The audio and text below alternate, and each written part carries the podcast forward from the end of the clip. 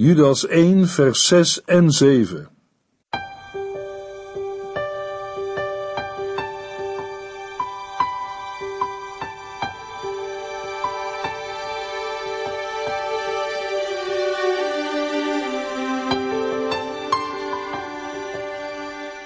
Hartelijk welkom bij De Bijbel Door, een programma van Transworld Radio.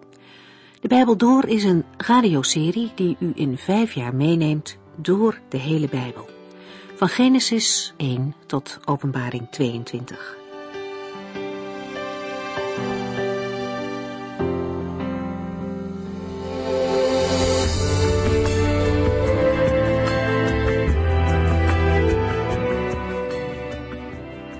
Ook vandaag bent u weer hartelijk welkom bij deze aflevering van De Bijbel Door, gemaakt door Transworld Radio.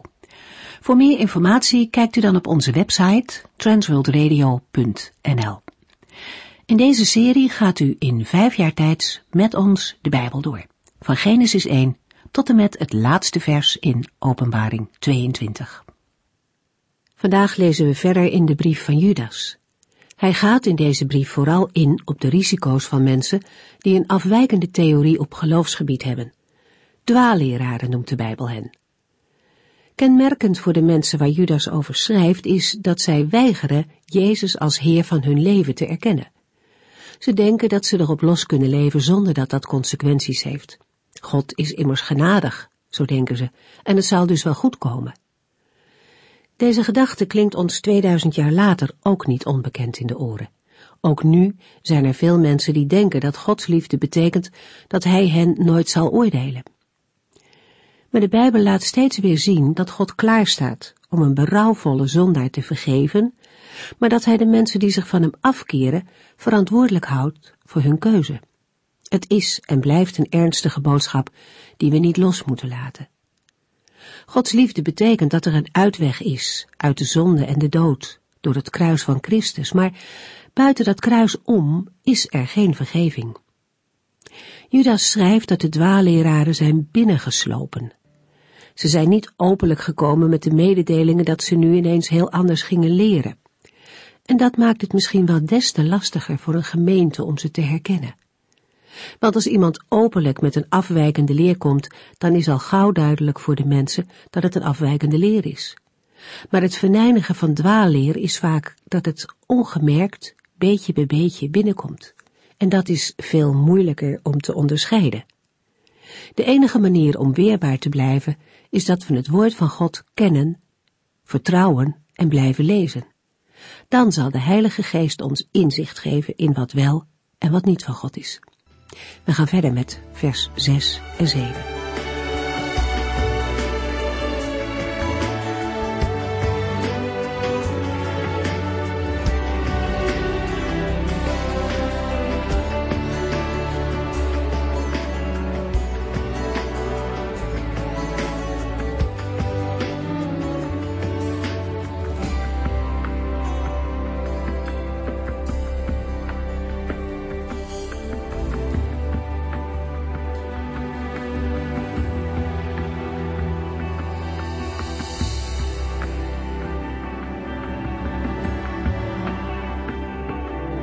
In de vorige uitzending zagen we dat Judas zijn lezers voor goede kennis van Gods woord de Bijbel houdt. Hij geeft in Judas 1 vers 5 tot en met 7 aan met een drietal voorbeelden uit het Oude Testament hoe Gods onvermijdelijke oordeel zal komen over hen die Gods genade misbruiken. Daarbij zijn de woorden van Judas fel en gepassioneerd vanwege de ernst van de dwaalleer. De Heere heeft het volk Israël uit Egypte verlost en daarbij de Egyptenaren geoordeeld. Op een later tijdstip, bij een tweede oordeel, heeft God hen die hij verlost had uit Egypte niet gespaard. 38 jaar heeft het volk Israël rondgezworven door de woestijn en niemand van hen, uitgezonderd Jozua en Caleb, is het beloofde land binnengetrokken. In Judas 1, vers 6 komt het derde voorbeeld aan de orde. We lezen er: Hij heeft engelen die hun oorspronkelijke positie ontrouw werden en de hun toegewezen plaats verlieten, gevangen gezet in de eeuwige duisternis. Daar houdt hij hen vast tot de grote dag van het oordeel. In vers 6 komt de zondeval van een groep engelen aan de orde. Zij hebben hun oorsprong of oorspronkelijke positie niet bewaard. De woorden en de hun toegewezen plaats verlieten geven aan dat zij op een bepaald moment hun verblijfplaats en positie tegen Gods bedoeling in hebben verlaten. Ze hebben blijkbaar gerebelleerd. En zoals de Heer het volk Israël niet spaarde, zo zal hij ook de engelen die ontrouw zijn geworden niet sparen. Na hun ontrouw heeft de Heere deze engelen in verzekerde bewaring gesteld. Engelen die hun beginpositie niet bewaarden, worden nu bewaard voor de grote dag van de Heere, de dag van het oordeel. In het apocryfe boek Henoch worden de zonde en de val van deze engelen ook beschreven. Met de heerschappij en macht die zij van de Heere hadden ontvangen, hebben zij hun oorspronkelijke positie en toegewezen plaats verlaten. Daarbij kunnen we denken aan de zonen van God uit Genesis 6 vers 4. De geschiedenis van Henoch vinden we in Genesis 5 vers 18 tot en met 24. Henoch wordt door Lucas vermeld in het geslachtsregister van de Heer Jezus. Henoch leefde in een nauwe verbondenheid met de Heer. Henoch wandelde met God en werd net als de profeet Elia van de aarde weggenomen zonder een natuurlijke dood te sterven. Op basis van Genesis 5, vers 22 tot en met 24, ontstond er in de loop van de tijd een groot aantal speculaties omtrent de persoon van Henoch en werd hem een omvangrijke verzameling openbaringen en hemelse visioenen toegeschreven. Uit een van deze geschriften wordt door Judas geciteerd. In vergelijking met de buitenbijbelse berichten over Henoch zijn zowel het Oude Testament als het Nieuwe Testament uiterst terughoudend ten aanzien van de persoon van Henoch. Judas 1 vers 7 En denk eens aan Sodom en Gomorra en de steden daar in de buurt. Hun inwoners werden ook ontrouw en gingen zich aan allerlei onnatuurlijke praktijken te buiten. De steden en hun inwoners, die gestraft zijn met altijd durend vuur, liggen daar als een blijvende waarschuwing voor ons. Het derde voorbeeld dat Judas aanhaalt uit het Oude Testament is de verwoesting van Sodom en Gomorra, Adama en Seboim. In Deuteronomium 29 het slot van het onderwijs over het verbond van de Here, met de sancties voor Israël als zij zich niet aan het verbond houden, komen we de namen van de genoemde steden tegen. We lezen in Deuteronomium 29, vers 22 tot en met 29, dan zullen uw kinderen, de toekomstige generatie en de buitenlanders die uit verre landen bij u komen, de plagen en ziekten zien die de Heere over u zal hebben gestuurd. Zij zullen zien dat het hele land is verbrand met zwavel en zout. Niets is ingezaaid en er wordt niet geoogst. De plantengroei is verdwenen, net als in Sodom en Gomorra en in Adama en Seboim, de steden die de Heer in zijn toorn verwoestte. Waarom heeft de Heer hun dit aangedaan, zullen de volken zich afvragen. Waarom was hij zo toornig? En hun zal worden verteld, omdat de mensen van dat volk het verbond verbraken dat de Heere, de God van hun voorouders, met hen had gesloten, toen hij hen uit Egypte wegleidde. Want zij dienden en aanbaden vreemde goden en overtraden op die manier zijn uitdrukkelijke verbod. Daarom keerde de toorn van de Heere zich tegen zijn land en al zijn vervloekingen die in dit boek staan opgeschreven, werden uitgestort over dit volk. In hevige toorn rukte de Heere het uit zijn land weg en verdreef het naar een ander land. Er zijn geheimen die de Heere uw God u niet heeft geopenbaard, maar deze woorden, die hij wel heeft geopenbaard, moeten wij en onze kinderen voor altijd gehoorzamen. Mogelijk dat iemand na deze waslijst van sancties zich ontmoedigd afvraagt: is er nog hoop voor afgedwaalde en ongehoorzame mensen? Gelukkig wel. Want na Deuteronomium 29 volgt Deuteronomium 30. En in Deuteronomium 30, vers 1 tot en met 8 lezen we: Als al deze dingen over u komen, de zegeningen en vervloekingen die ik heb opgenoemd, zult u tot het juiste inzicht komen, terwijl u onder de volken leeft waarheen de Heer u heeft verdreven. En als u in die tijd naar de Heer uw God wilt terugkeren, en u en uw kinderen zijn begonnen met heel hun hart de wetten en regels die ik u vandaag geef te gehoorzamen, dan zal de Heer uw God u uit de gevangenschap redden. Hij zal u genade schenken, naar u toekomen en u bijeenbrengen uit alle volken, waaronder hij u heeft verspreid. Ook al zou u zich in de verste uithoeken van het heelal bevinden, hij zal u vinden en terugbrengen naar het land van uw voorouders. Hij zal ervoor zorgen dat het u goed gaat, nog meer dan uw voorouders, en u in aantal doen toenemen. Hij zal de harten van u, uw kinderen en uw kleinkinderen reinigen, zodat u weer met hart en ziel van de Heer uw God kunt houden. Zo zal Israël weer tot leven komen.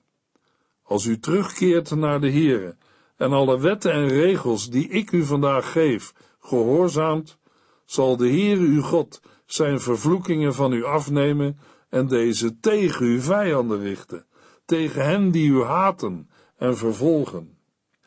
Dat de Heere niet uit is op de ondergang van zijn volk, maar op terugkeer en herstel, lezen we ook in Hosea 11 vers 8 tot en met 11, waar we lezen, Israël, hoe zou ik u ooit kunnen prijsgeven?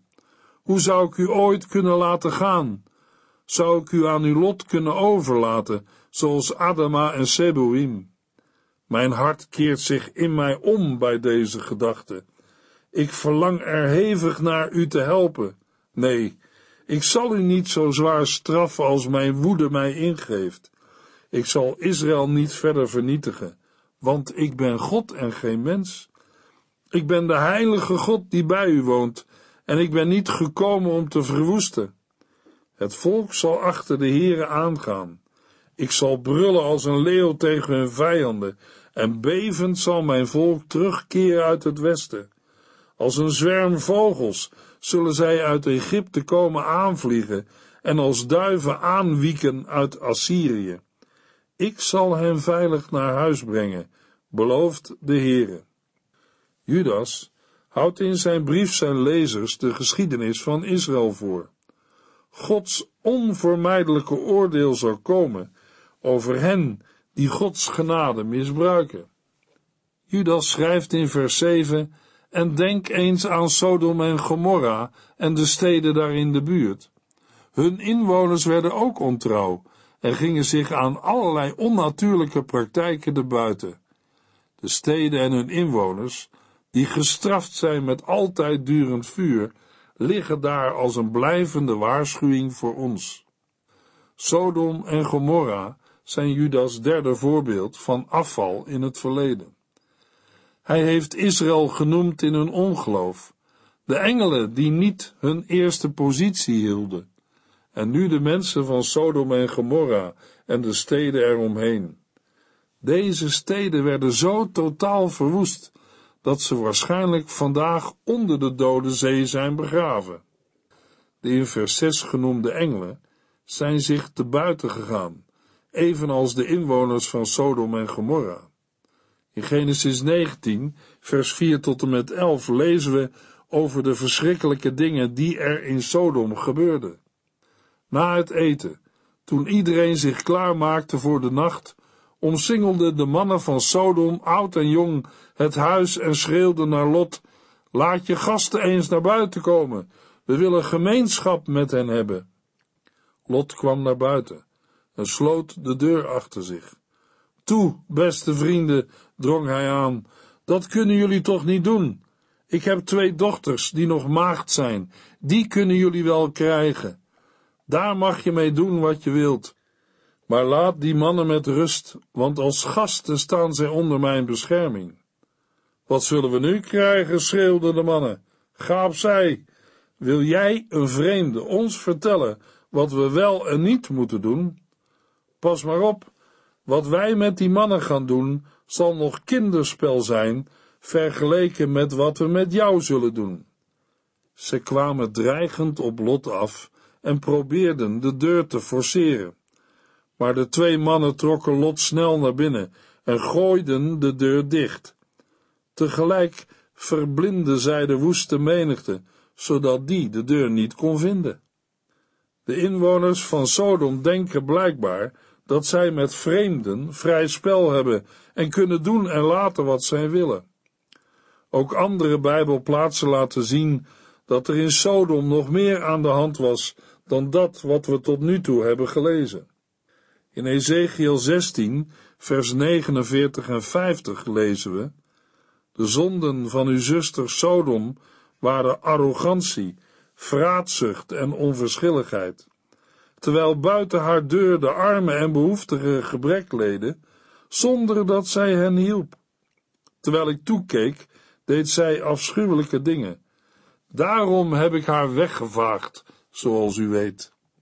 Het is een voorbeeld en waarschuwing voor de mensen in de tijd van Judas, maar ook voor ons. Ook in het Nieuwe Testament lezen we over het waarschuwende voorbeeld van Sodom en Gomorra. In Matthäus 10, vers 14 en 15 zegt de Heer Jezus tegen zijn leerlingen: Als er huizen of steden zijn waar ze niets van je willen weten, ga dan meteen verder en schud het stof van je voeten af.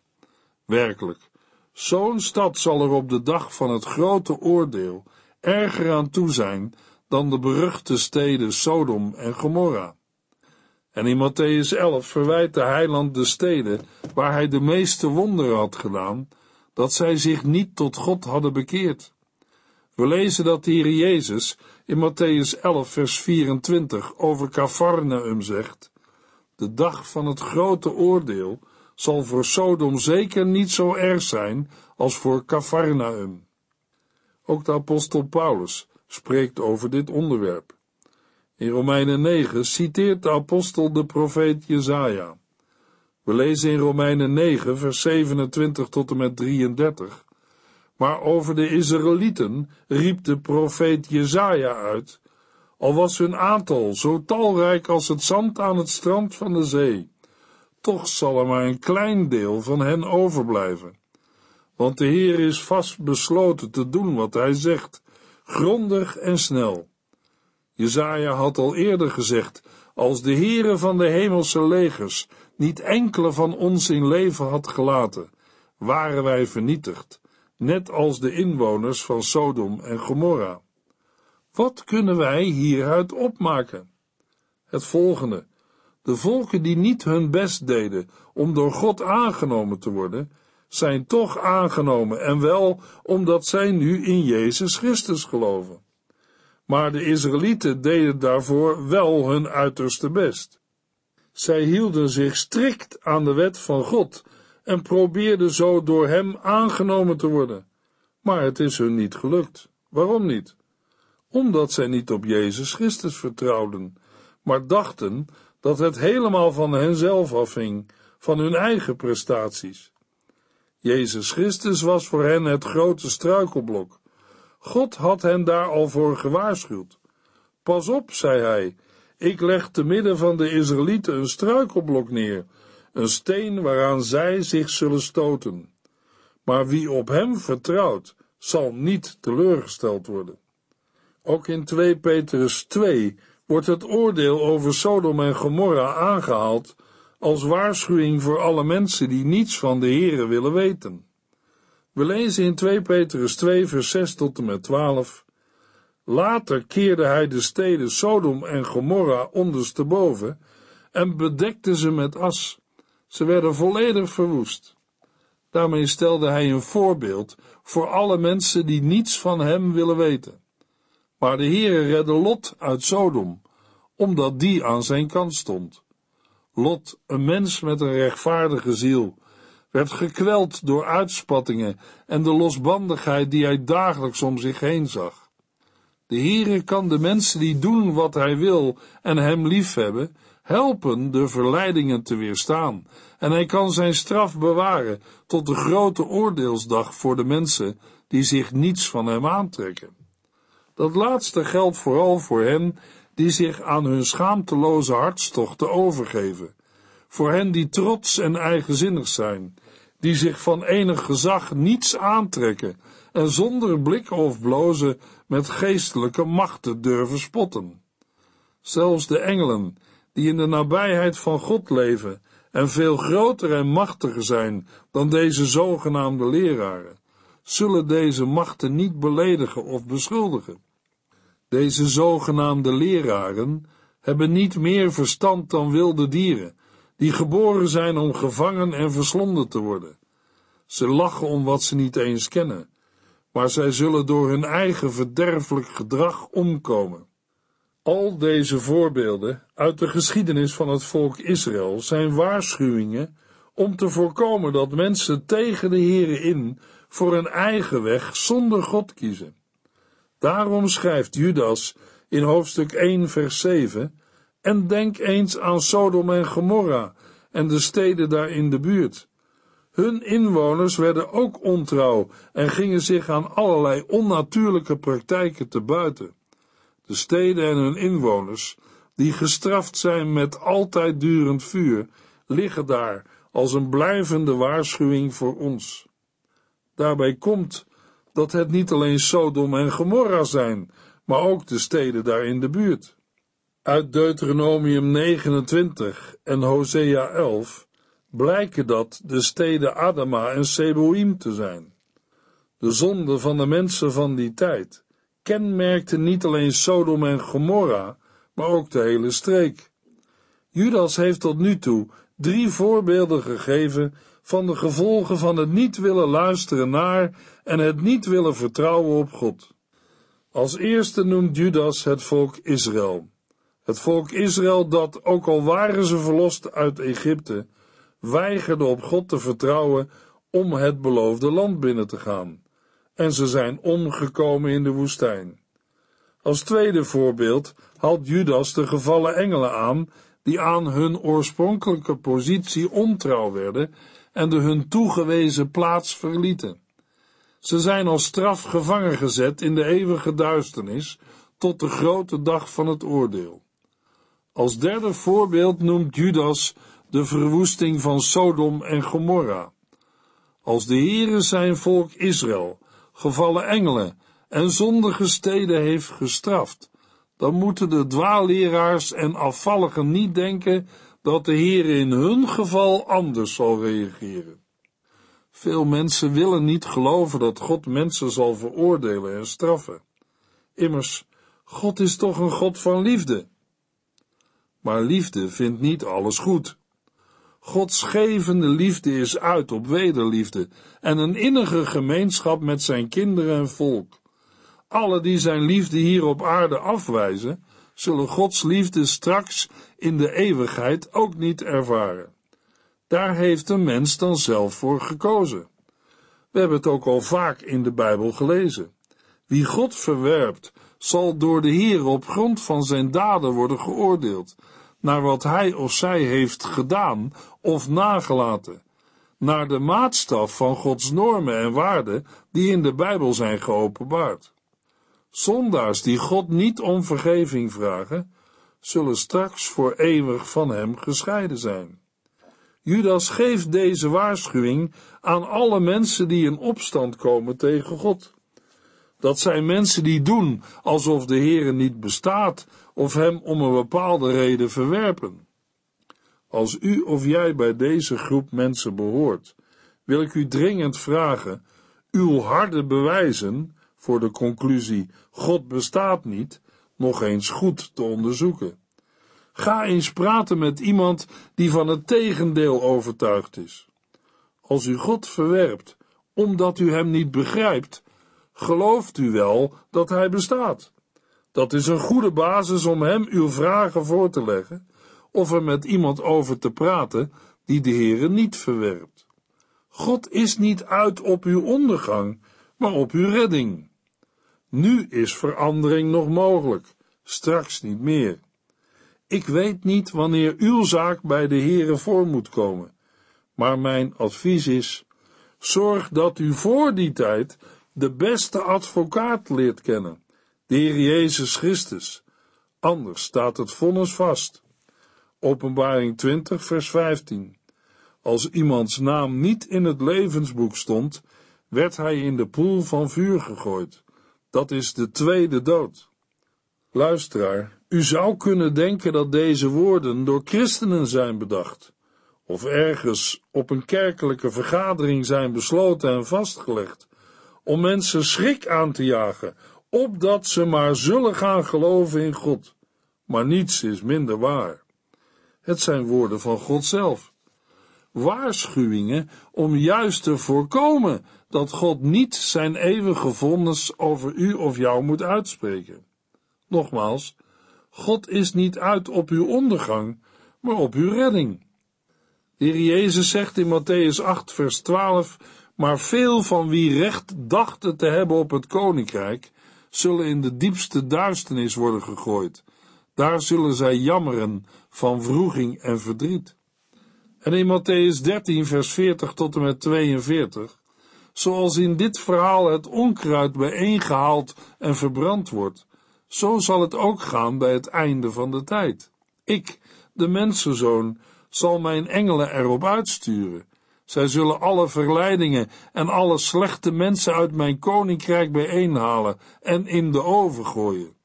Daar zal het een en al vroeging, tranen en verdriet zijn.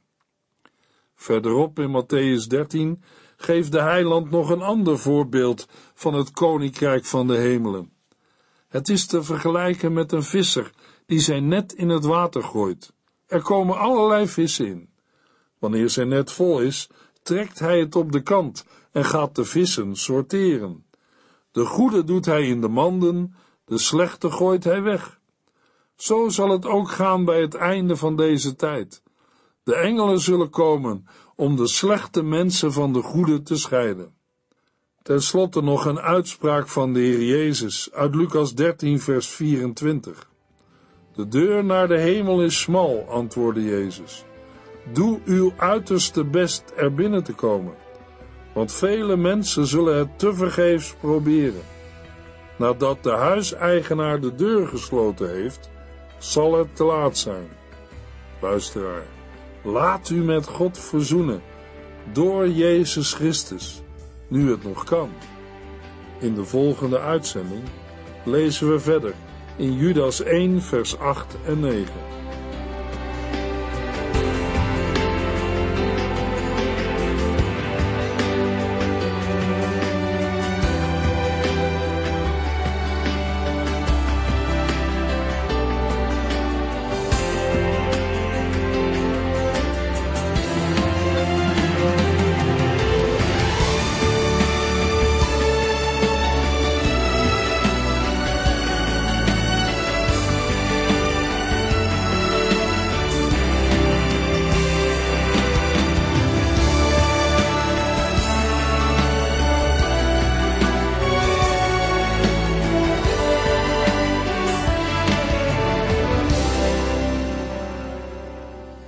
Geluisterd naar De Bijbel Door.